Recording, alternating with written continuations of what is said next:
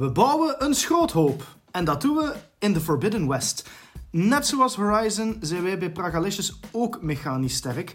Al moet er soms al eens bijgeolied worden, soms per liter om het kraken tegen te gaan. Maar onze Terminator die is niet kapot te krijgen. Dag Praga. Hey Roma en co. Legendarisch om meer uithoudingsvermogen dan een machine te hebben bij Souls-likes, de Robocop van The Lands Between. Dag Luca. Ciao, ciao.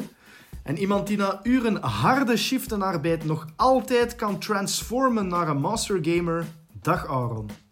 I am Optimus Prime. Met deze crew kan geen enkele machine een podcast zoals ons fabriceren. Ik ben jullie host Roma en ik heet jullie van harte welkom bij de Pragalicious podcast.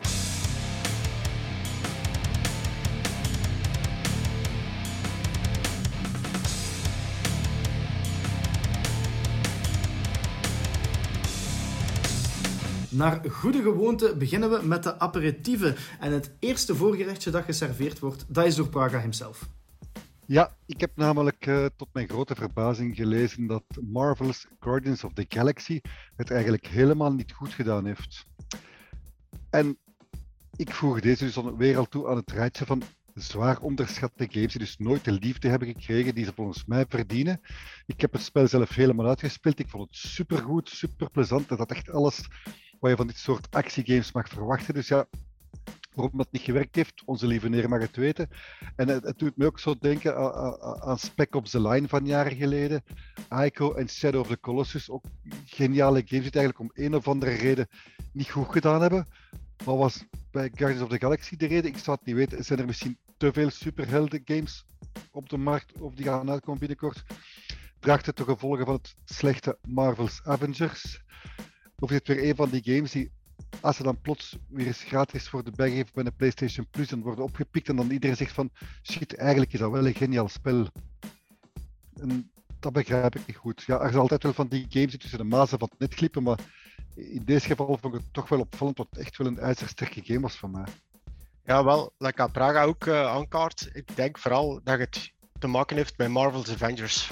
Dat spel had zoveel hoop bij vele Marvel-fanaten en superheldenfanaten in het algemeen. En eigenlijk is dat spel eigenlijk ja, gewoon volledig mist ingegaan. Hè. Dat je eigenlijk niet het concept kunnen behalen wat de bedoeling uiteindelijk was. En er zit zoveel potentieel in dat spel dat er helemaal niet is uitgehaald. Ik vond persoonlijk de singleplayer nog wel sava. Maar het multiplayer gedeelte is gewoon repetitief. Hè. Dat is altijd maar hetzelfde. En je hebt zoveel mogelijkheden en die worden gewoon niet, ja, die worden niet gebruikt.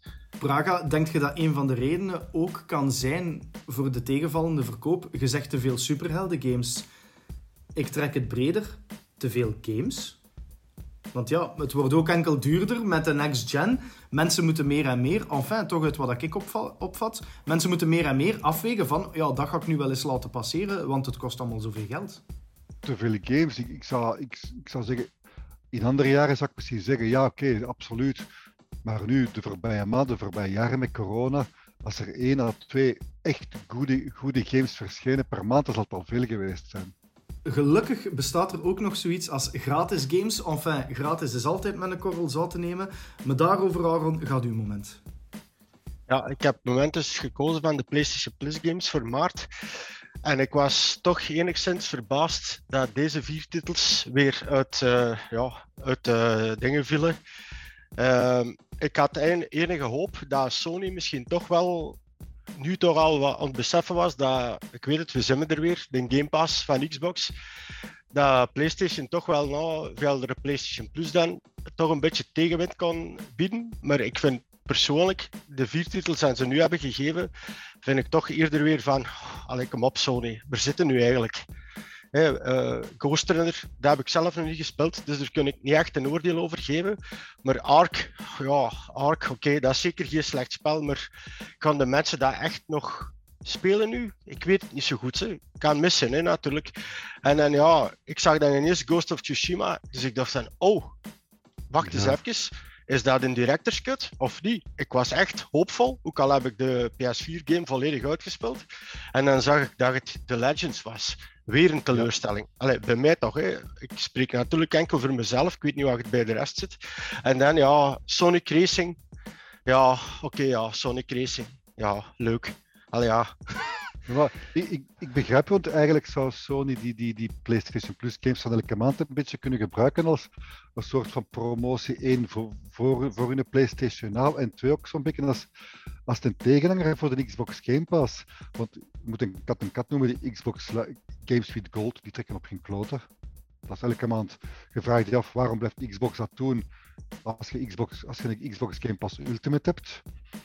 Ik wil even tegen PlayStation van kom aan jongens, en, en, ook als je ziet de voorbije maanden van de vier of drie games die ze aankondigen, er was altijd wel iets met een van die spelletjes. Hè. Godfall was slechts een bepaald aantal dingen. Uh, een andere game die de maand erachter kwam, ben vergeten welke. Daar bleek dan de PlayStation 5 update niet bij te zitten. Die moesten dan apart gaan kopen. En nu deze maand gezegd Ghost of Tsushima. Ja, ja, ja. Ah nee, het is Legends. Het is de, ja, de multiplayer uitbreiding, zal ik het maar noemen. Het is een keer zo van net niet. Ja, ik had, ik had echt net hetzelfde uh, gevoel toen ik het las. ik dacht ook zo, Ghost of Tsushima, oké, chapeau, ze doen eindelijk eens iets gewaagd.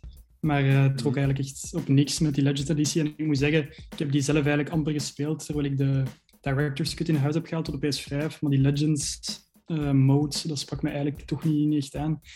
Het moment waarover dat ik het zelf even wil hebben, is een horrortitel die we net 7 op 10 hebben gegeven op de website via High Lord Wolnier.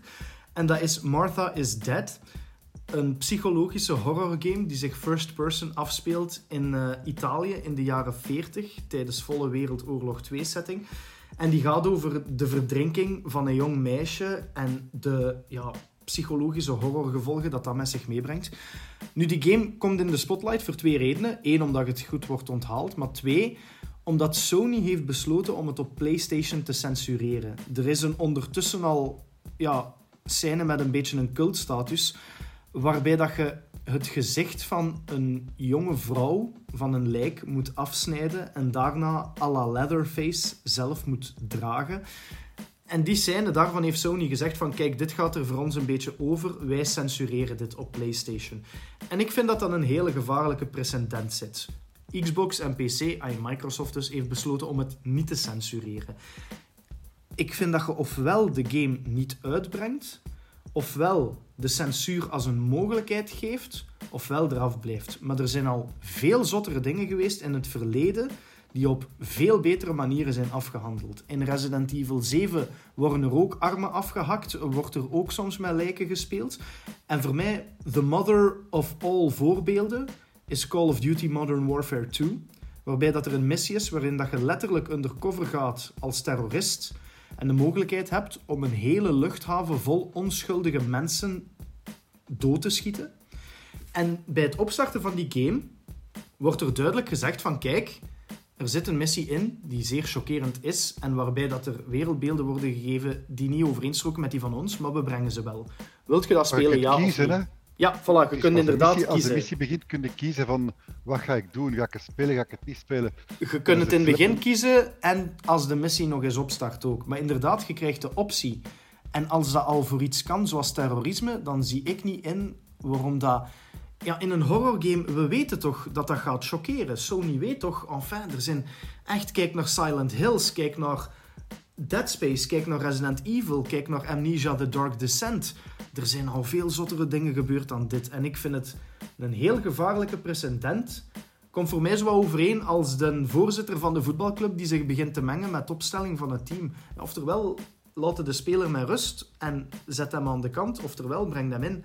Maar begint niet te beslissen wat dat wel en niet mag. Ik vind dat een slippery slope.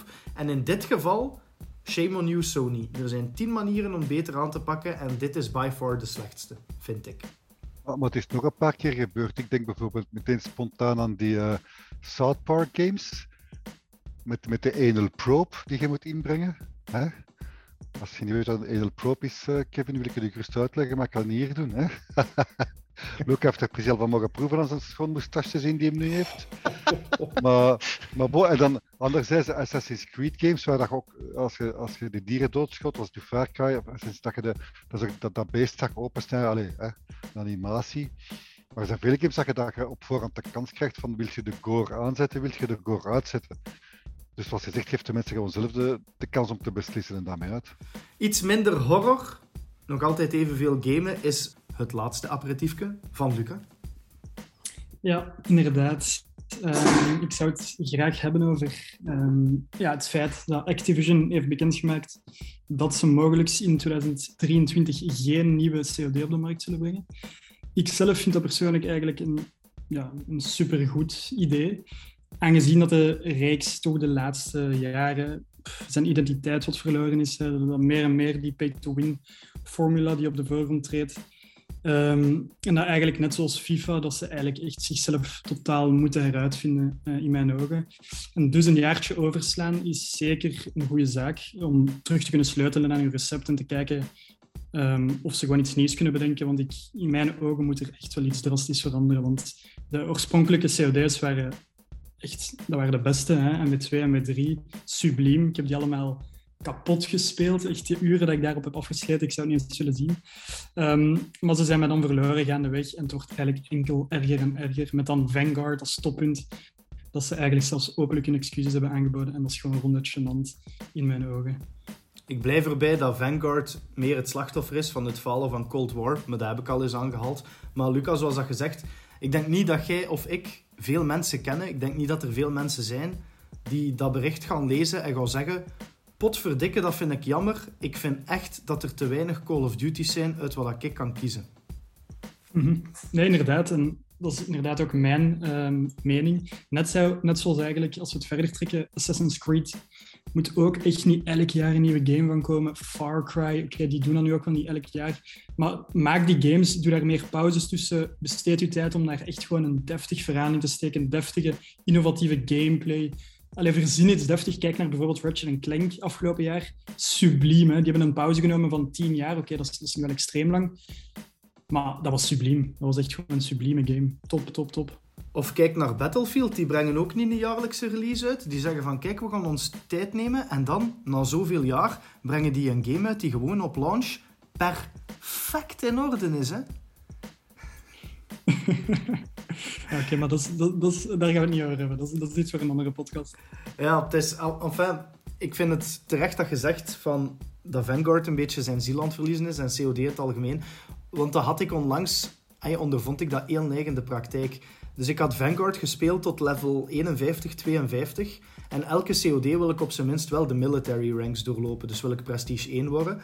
Maar ik was dan Battlefield begonnen, in andere games gesukkeld, dus ik had Vanguard even laten liggen. En het was nu afgelopen weekend, dubbel XP. En ik dacht van, alright, ik ga gewoon eens even naar Prestige knallen en mij nog even amuseren. Want ik vind Vanguard qua setting een hele toffe COD. En ik amuseer me heel neig in die Wereldoorlog 2 setting. Maar dan komt je na een paar weken terug in die game, zijn er ineens Mexicaanse matador kostumen, wordt er al met wonder weapons geschoten online. En ik had echt zoiets van jeez, als ik nog een beetje wil genieten van de Wereldoorlog 2 setting in zijn authenticiteit, dan zijn er nu de laatste dagen voor. Ja, wel, ik vind dat ook zot hoe snel dat, die gewoon, dat dat escaleert in die games. Allee, vroeger, je kreeg gewoon je DLC-packs drie keer per jaar en dat was het. Hè. En dat was goed, meer moest dat niet zijn. Iedereen was gelukkig. Dat was echt zo net genoeg om naar uit te kijken van oké, yes, dan kunnen we weer een nieuwe maps uitproberen. Maar nu, mannetjes, elke week nieuwe zever. Ja, en ook die crossover met Attack of Titans. Allee, ik bedoel, what the fuck is daar het van? Ja, dat hebben we nu al een paar keer aangekaart in vorige eh, podcast. Maar dat is gewoon simpel. Hè. Dat blijft verkopen. Hè. En daarom blijven die dat gewoon doen. Hè. Dat is like dat jij zegt, Praga, in verband met Attack on Titan. Ik ben er vrij zeker van dat elke anime-fan die uh, Call of Duty Vanguard speelt, dat die dat pakket hebben gekocht. Dat, dat, is gewoon een publiek aan die proberen te bereiken. En waarschijnlijk gaat dat lukken. Hè.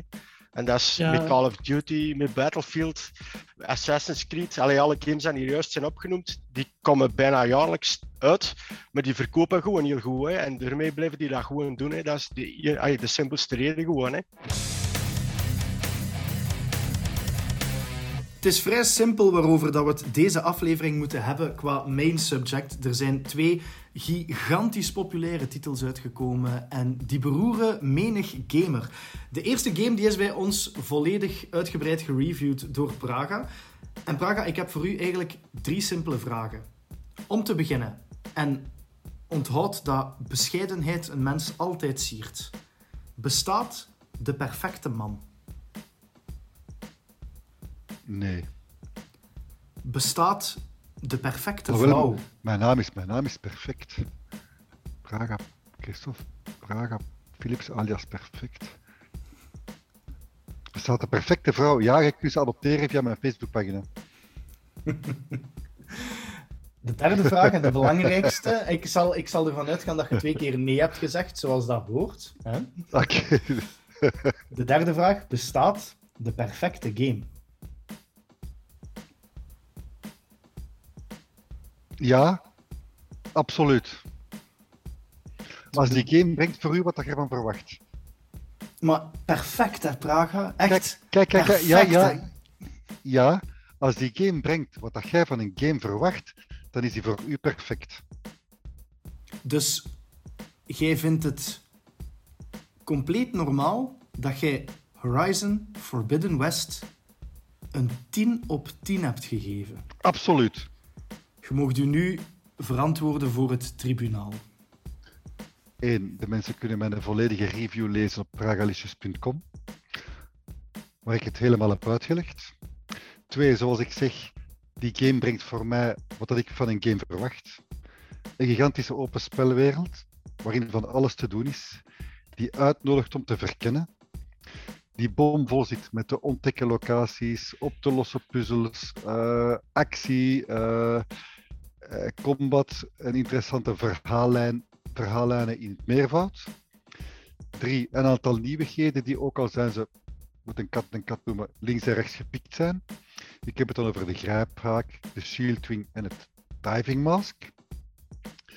Die ook de mogelijkheid geven om de wereld eh, ook meer verticaal omhoog, de berg op te verkennen en zowel naar, om- naar omlaag onder het water te verkennen.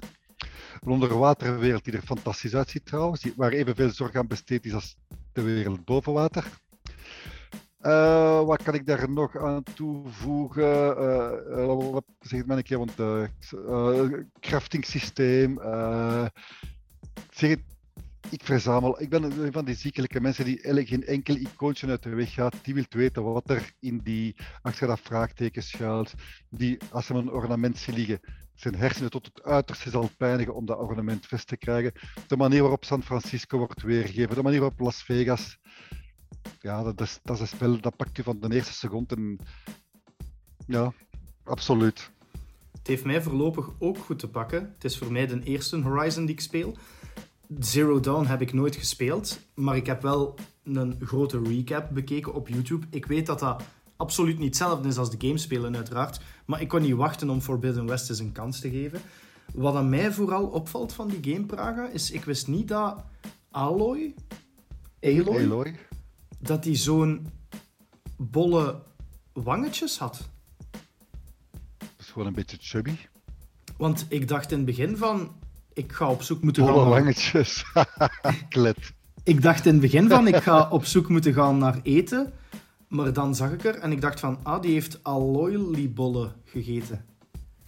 Ah, nee. Ik ga, ik ga, we moeten echt een, een, een patch ontwikkelen, een patch uitbrengen om, om, om, om die Roma, die, die Roma glitch moppen, of hoe dat je dat kunt omschrijven, te, te patchen op een of andere manier. Alloy Libollen, dat. Dat is, dat is, simp- dat is simpel, hè, Praga. We zoeken gewoon een nieuwe host. Heb ik het, Dat is heb ik het onmogelijk. heb ik het toch niet gehad over die, over die dino's in dat spel? Mhm. De manier waarop dat je die kunt uitschakelen, die animaties van die, het geluid, de soundtrack, noem het op. Voor mij heeft dat echt alles wat ik van, van een spel verwacht. Ehm, ik zou wel iets willen vragen, eigenlijk, zowel aan Praga als Rome. Ehm, hoe groot is de game eigenlijk en hoeveel sidequests en, en zo. Inderdaad, die vraagtekens die je zegt, Praga, die je kunt ontdekken, hoeveel zijn er daarvan? Want ik merk dat ik mezelf daar echt wel al vaak in verlies in zo'n open world game. Ik ook. Waardoor, ik dat ook. ik, eigenlijk, ja, waardoor dat ik eigenlijk zoveel afwijk van de main story, dat ik de ook. game dusdanig beu raak, dat ik, dat Nee. ik gewoon het, het verhaal nog niet heb uitgespeeld en eigenlijk Ah, wel, het spel ah, wel, laat liggen. Het is, het, is, het, is, het is een goede opmerking. Eh, ik denk als ik, dat je met een uur of zestig vanaf komt als je echt alles gaat doen, nevenmissies, hoofdmissies. En dat is juist het plezante aan de nevenmissies. Je doet ze niet voor niks. Ze leveren altijd iets nuttigs op. Aaron, jij hebt Zero Dawn volledig uitgespeeld, maar je bent nog niet begonnen met Forbidden West.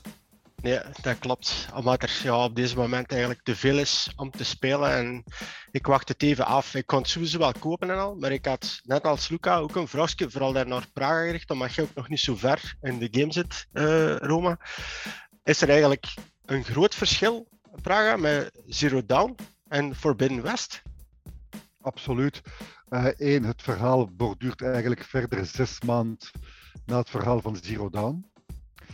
Er zitten een paar verrassende wendingen in, zeker qua personages, waar dat je, ik moet oppassen wat ik zeg, geen spoilers zeggen, waar dat je het origineel mee te maken had. Uh, drie, er zijn nieuwe dino's, nieuwe wapens, ja, uiteraard nieuwe outfits, nieuwe traps om mee om te gaan.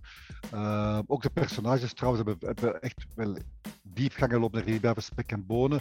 Maar ook de manier, zoals ik, zeg, zoals ik zei, de Shield Wing, een soort van Breath of the Wild-achtige glider uh, zit er nu in. Uh, die grijphaak waarmee je ook hoger gelegen locaties kunt gaan bereiken. En, en, en die diving masker, er zit veel meer exploratie in ook. En het nodigt ook veel meer uit om te exploreren, omdat je ook onder water kunt gaan en dat je meer verticalere gameplay hebt. De games van Sony Studios ja, worden wel eens vaker enorm goed onthaald. Returnal, Aaron, is er een waarover dat jij heel lang kunt doorgaan. Waar, waar Praga zet je Horizon als je het vergelijkt met de toppers zoals Uncharted, zoals The Last of Us? Waar komt Horizon qua Sony paradepaardjes voor u? Wow. Wat was een derde? Uncharted? The Last of Us. The Last of Us. Spider-Man uh, kunnen we ook oh, beginnen oh, noemen. Ay, dat is nee, ook bo boven Spider-Man sowieso. Omdat ja, het is een, een, heel toffe game, maar ik ben niet echt een superhelden fan. En Spider-Man was veel te kort.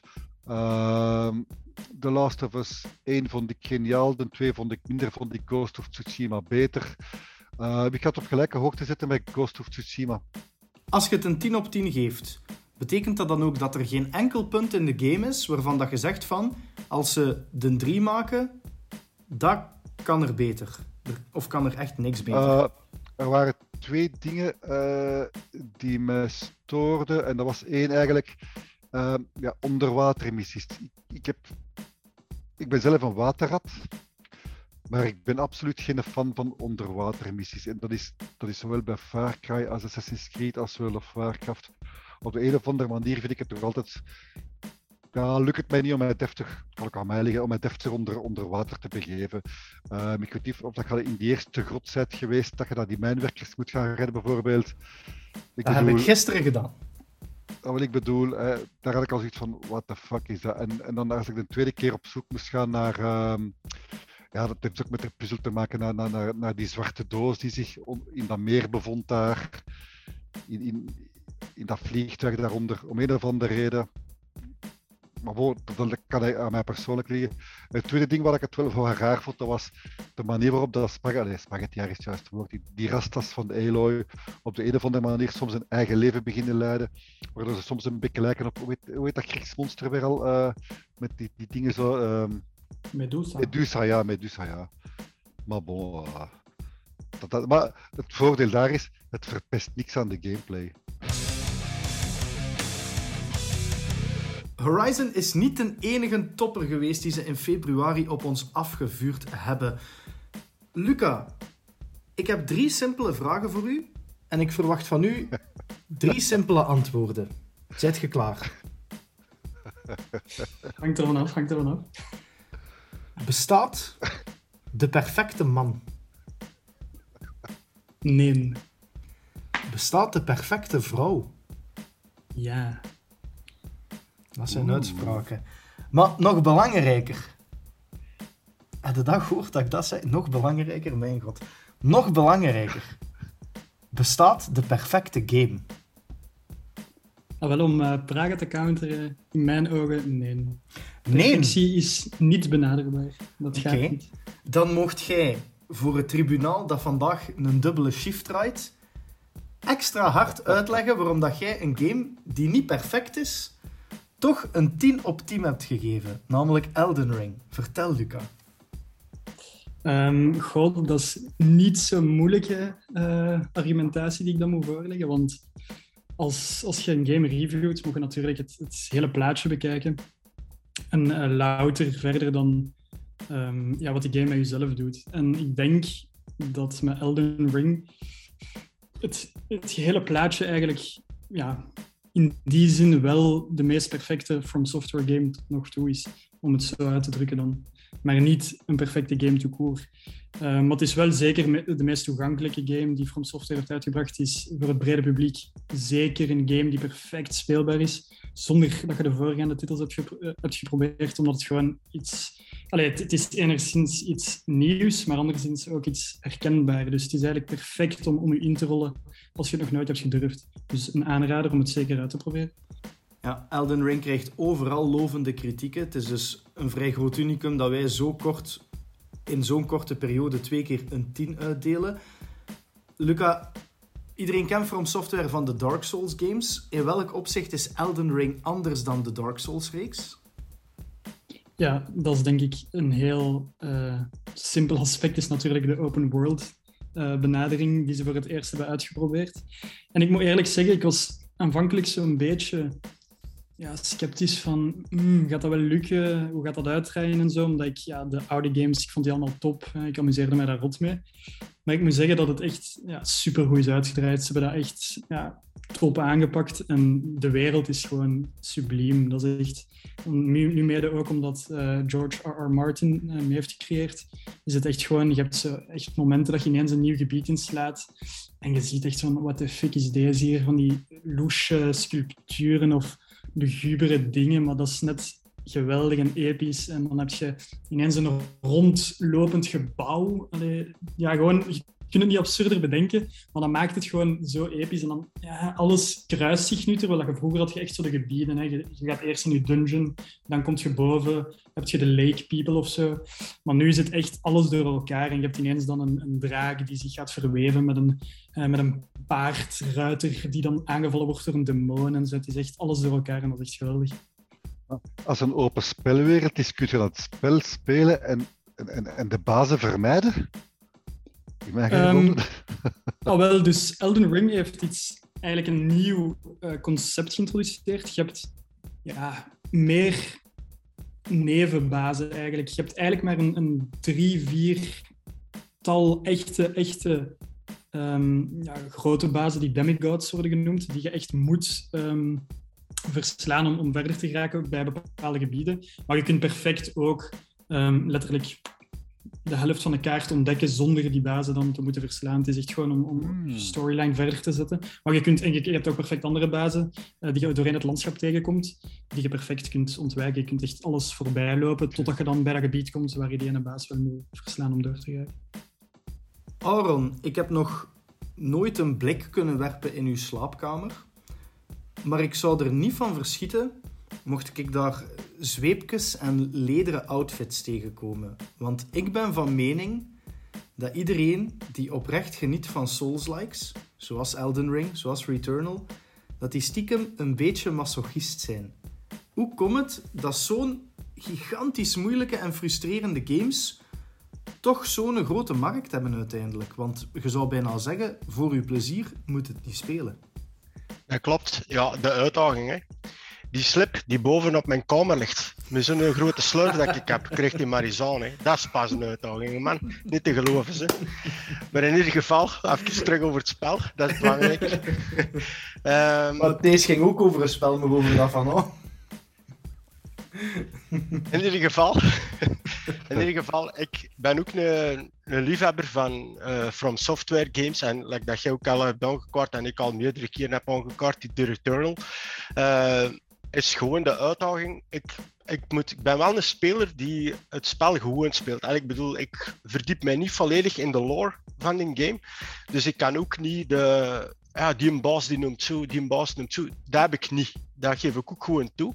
Maar ik geniet wel van het spel, gewoon de, de uitdaging. Ik zit er ook niet mee in. Ik ben zo'n gamer die uh, een baas gaat bevechten of uh, de strijd aangaat met een baas. En ik mag 100 keren doen het gewoon, ik mag 200 keren doen het gewoon. Ik zal blijven proberen totdat ik hem uiteindelijk ah, heb. Dat is toch niet meer plezant om te beginnen en twee, dan word ik toch gefrustreerd en zo zot als achter de deur. Nee, voor mij ik niet, Praga, want ik, ja, ik niet, want ik vind dat, ik probeer te leren uit ah fuck, oké, nou doet hem dat. Ah, dan moet ik dat proberen. Ah ja, oké, nou lukt dit. Oké, er zijn een levensbalk, ik krijg hem meer naar beneden. Oké, dan moet ik dat proberen. Dus ik, ik, ik, zit continu te bedenken van, ah, als ik dat probeer, of als ik, ah, nu moet ik dat doen. Zo, leren uit de fouten dat je eigenlijk maakt tijdens het spel. En dat is ook zo in uw bedkamer, in uw slaapkamer. In de bedkamer. Ja, zijn slaapkamer, zijn bedkamer in zijn slaapkamer. Ook gezien, gast. Oh my god. Om, uh, om daarop in te pikken, dat is inderdaad echt exact wat From Software wil bereiken met die games. Die willen dat jij leert uit wat zij je voor, voorschotelen. Die willen van, oké, kijk, je krijgt hier nu een aardsmoeilijke bossfight. Ga die aan. Je weet dat je de eerste 10, 20 keer gaat sterven, maar leer daaruit en probeer beter te doen. Het is eigenlijk een beetje een, een, een vage uh, militaire missie die je, die je krijgt uh, voorgeschoteld, maar, maar, het is wel de bedoeling dat je eruit leert vragen. Snap dat is toch een goede vraag, want in Dark Souls, als je doodging moest bij een baas, moest je telkens opnieuw die ganse weg naar de baas afleggen. Zeg me nu alsjeblieft, als je bij een baas doodgaat, dat je direct bij die baas respawnt. Ah, wel ja, zoals je in mijn review hebt kunnen lezen, heb je veel meer respawn spots. Dus je hebt nu je, vaste ehm, ja, checkpoints, eh, om het zo te noemen. Maar je hebt ook die Stakes of Marika, die je kunt ontdekken gewoon. En dat functioneert dan als een summoning pool. Waardoor dat je gewoon kunt kiezen of oftewel bij je laatste checkpoint revived, oftewel bij die laatste Stake of America die je hebt tegengekomen in dat gebied. En die staan natuurlijk vaak uh, bij een moeilijk gebied waar dus heel veel vijanden zijn of een, of een boss fight is of zo. En dus moet je inderdaad uh, totaal niet meer een heel gebied doorkruisen. Oké, en ik heb nu een goede opmerking voor Roma. Ik zou Elden Ring nooit een 10 op 10 hebben gegeven, maar een 9 op 10. Want er voor mij twee belangrijke dingen zijn, ik heb het nog niet gespeeld, hè, die er ontbreken. Eén, geen cross-platform gameplay. Wat dat bij games als Remnant from the Ashes, Rainbow Six Extraction perfect mogelijk is en geniaal momenten oplevert, zuster Aaron. En twee, dat spel nodigt net zoals Remnant from the Ashes uit om het in koop te spelen. En er zijn geen koopmogelijkheden, tenzij dat je weer, juist gelijk als in Dark Souls 3, van die speciaal dingen gaat verzamelen om mensen te gaan summonen. Oh, wel ja, maar dus daar heb ik u al uh, deels gerustgesteld ja, dat ze dan wel proberen het toegankelijker te maken door uh, dat nieuwe crafting systeem, dat je eigenlijk die items veel makkelijker kunt craften door gewoon twee banale ja. moeten vinden die je echt letterlijk overal vindt. Oké, maar als ik de PS5 heb en iemand anders heeft een Xbox Series X en wij zijn twee kameraden, dan kunnen we nooit Elden Ring samen spelen. Ja, dat is het enige, enige aspect dat je kunt aanhalen. Maar dat, dat stoort voor mij totaal niet. Dus ja, ik vond dat... al, al, mijn vrienden hebben PS5, dus dat is geen probleem.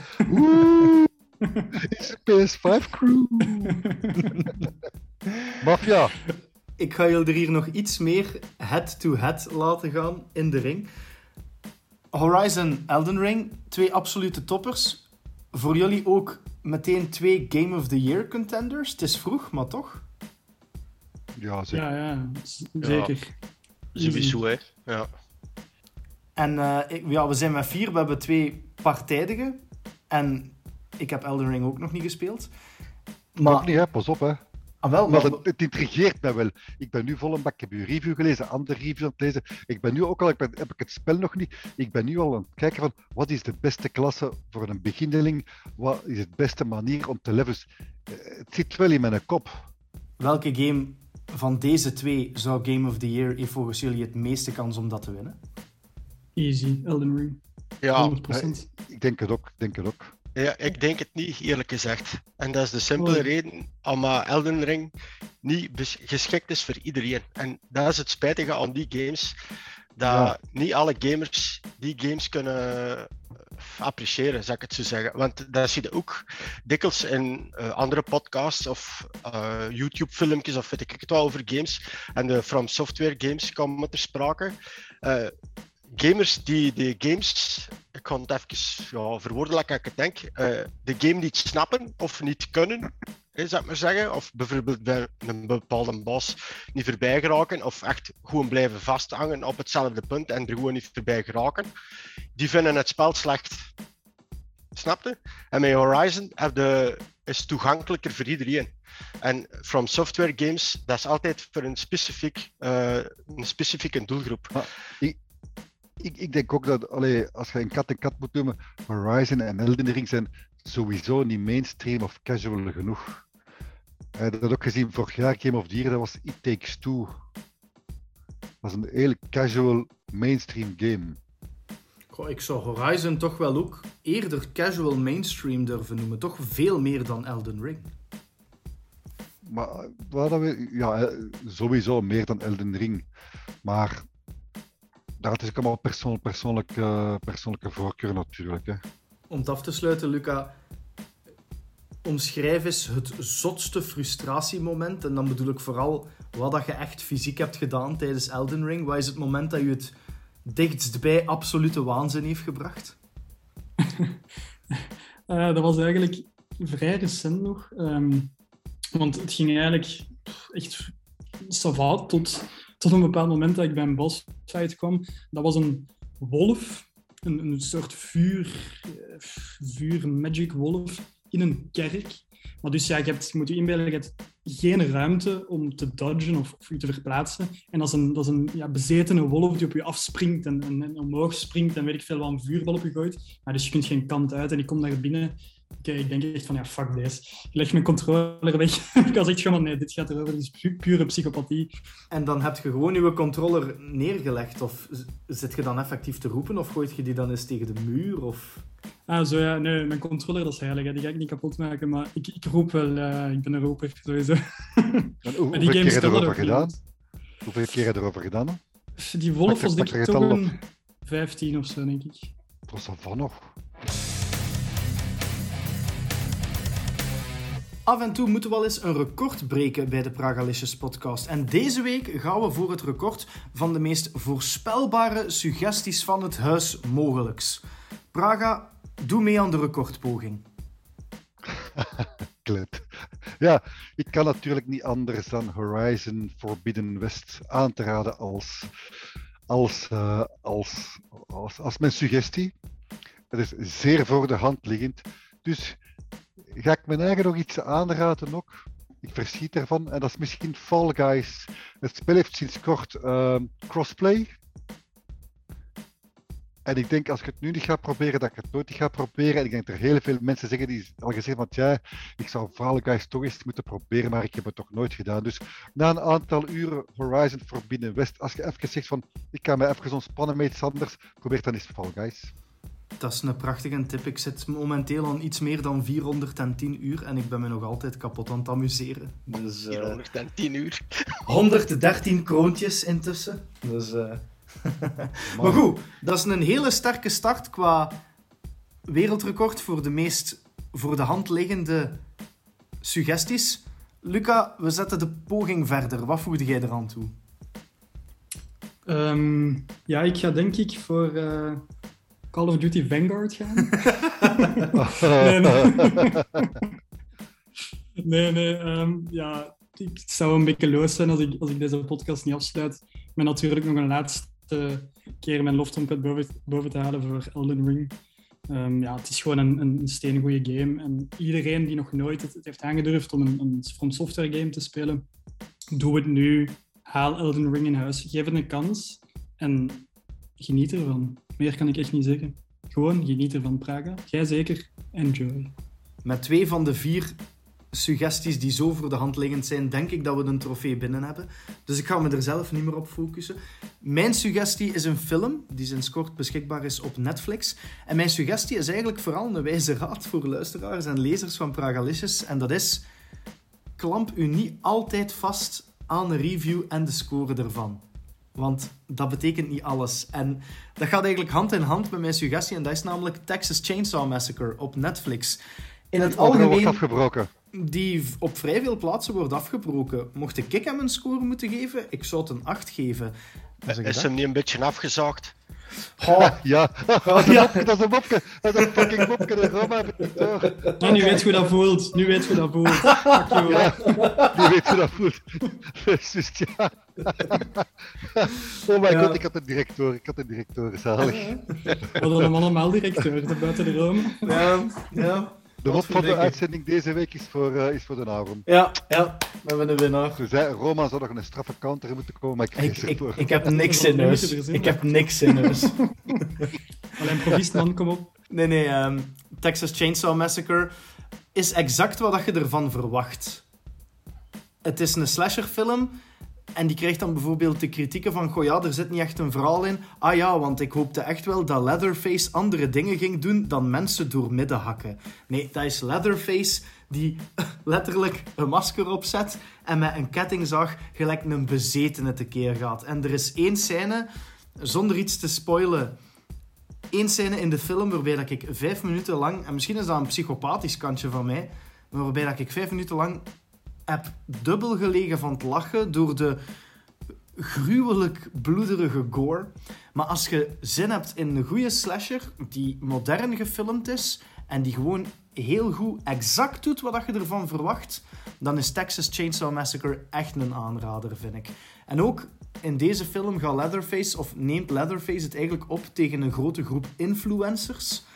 Wat mij betreft er nog meer voor zorgt dat ik aan Leatherface zijn kant sta. En dat ik het zeker niet erg vind dat één na één dat publiek gedecimeerd wordt. En dat vind ik echt wel genieten van die film. Mensen zien het niet, maar Praga is zware thumbs-uppen aan het geven. En dan hebben we nog één suggestie, en dat is voor de Noren. Mijn suggestie van deze week is vrij simpel als superhelden-fanaat. Iedereen kent Batman, Superman, eh, Wonder Woman. Specifiek noem ik nu DC-figuren op, of DC-helden op. Want ik ben onlangs naar de Boys beginnen kijken op Amazon. En dat gaat over superhelden. En je kunt zeggen, oh, weer superhelden. Maar deze is toch wel iets anders. Deze is, deze is echt maf. Ik heb dit ook nog nooit gezien, omtrent superhelden. Maar het gaat eigenlijk over een company die eh Vout noemt. En die doen er eigenlijk alles aan om zoveel mogelijk geld te verdienen aan superhelden. Dus die hebben ook een team, de Seven noemen die. En dat zijn eigenlijk, hebt Homelander, dat is eigenlijk Superman. Hebt Maeve, dat is eigenlijk Wonder Woman. Hebt The Deep, dat is eigenlijk Aquaman. Dus hebt eigenlijk die superhelden in The Boys zijn eigenlijk een beetje afgekeken van vooral DC eh superheroes. Natuurlijk zijn er ook wat helden die wij hebben van Marvel. Eh, maar het, het unieke aan The Boys is dat het niet de superhelden zijn die je kent uit DC en Marvel. Het is echt maf. Het is, eh, ja, er gebeuren dingen ook. Ze kijken ook niet om naar het geweld. Er vliegen armen af, eh, gewoon stukken gezicht die gaan gewoon afgereed worden. Het is, het is iets heel bijzonder. En het ding is, ik vind Carl Urban, eh, die de hoofdrol speelt van de groep The Boys. Eh, ik kan niet zeggen wat die moeten doen, want dan ga ik misschien iets spoilen. Maar als ik die bezig zie in die serie, en vooral wat hem eruit ziet, dan zou ik hem eh, zelfs durven opteren voor de rol van Wolverine. Of zelfs de, in de serie van The Last of Us, Joel. En gewoon specifiek wat hij eruit ziet. Zijn acties geven dat weer meer naar Wolverine. Dus ik zou zeggen, als jij allee, een beetje curieus zit of eh, nieuwsgierig zit van wat ik bedoel, kijk zeker naar The Boys op Amazon. Het is echt niet wat je gewend zit van superhelden. Het is echt, ja, het is echt gek. Het is maf. Het is, het is bijzonder. Zeg Roma. maar. Voor we afsluiten, heb ik nog een digestiefje voor u. Mijn god. Ik ga u, ik ga u drie vragen stellen. Ik verwacht drie korte uit antwoorden van u. Ik ga dat proberen. Bestaat de perfecte man? Nee. Twee, Bestaat de perfecte vrouw? Nee. Drie, Bestaat de perfecte uitdaging? Ja, meermaals zelf. Zou het een competitiebeest als u lukken om Elden Ring helemaal uit te spelen? Oeh, sowieso wel. Sowieso wel. Maar het zou wel een uitdaging zijn, ja. Want van de From Software games heb ik enkel Dark Souls 3 gespeeld en niet uitgespeeld. Maar ik weet dat jij en Aaron er nu mee bezig zijn. Remnant from the Ashes heb ik wel met twee co-op buddies uitgespeeld en vond ik een fantastische ervaring. Maar dat is Maar- co-op. Dat is co-op. Co-op is anders. Ja, ja, maar nee, maar het is waar. Het is, eh, dan alleen Solo al... bedoel ik, hè? Ja, solo. Het zou een uitdaging zijn. Misschien moet ik die wel aangaan. Doen, doen. Met die uitdaging kan ik weer al voort en met de suggesties kunnen al onze luisteraars verder. En daarmee laten we jullie weer twee weken los. Als jullie na al dat toppergeweld van februari en maart met heel binnenkort ook Gran Turismo 7, als jullie dan nog een klein beetje geld hebben voor een internetconnectie en voor een audioapparaat, dan kunnen jullie nog luisteren naar de volgende aflevering van de Pragalicious podcast. Heel graag tot binnen twee weken. En jullie vinden ons natuurlijk terug op YouTube, op TikTok, op Instagram, op pragalicious.com en onze podcast via de kanalen op Spotify, Apple Music en jullie favoriete applicaties. Tot dan!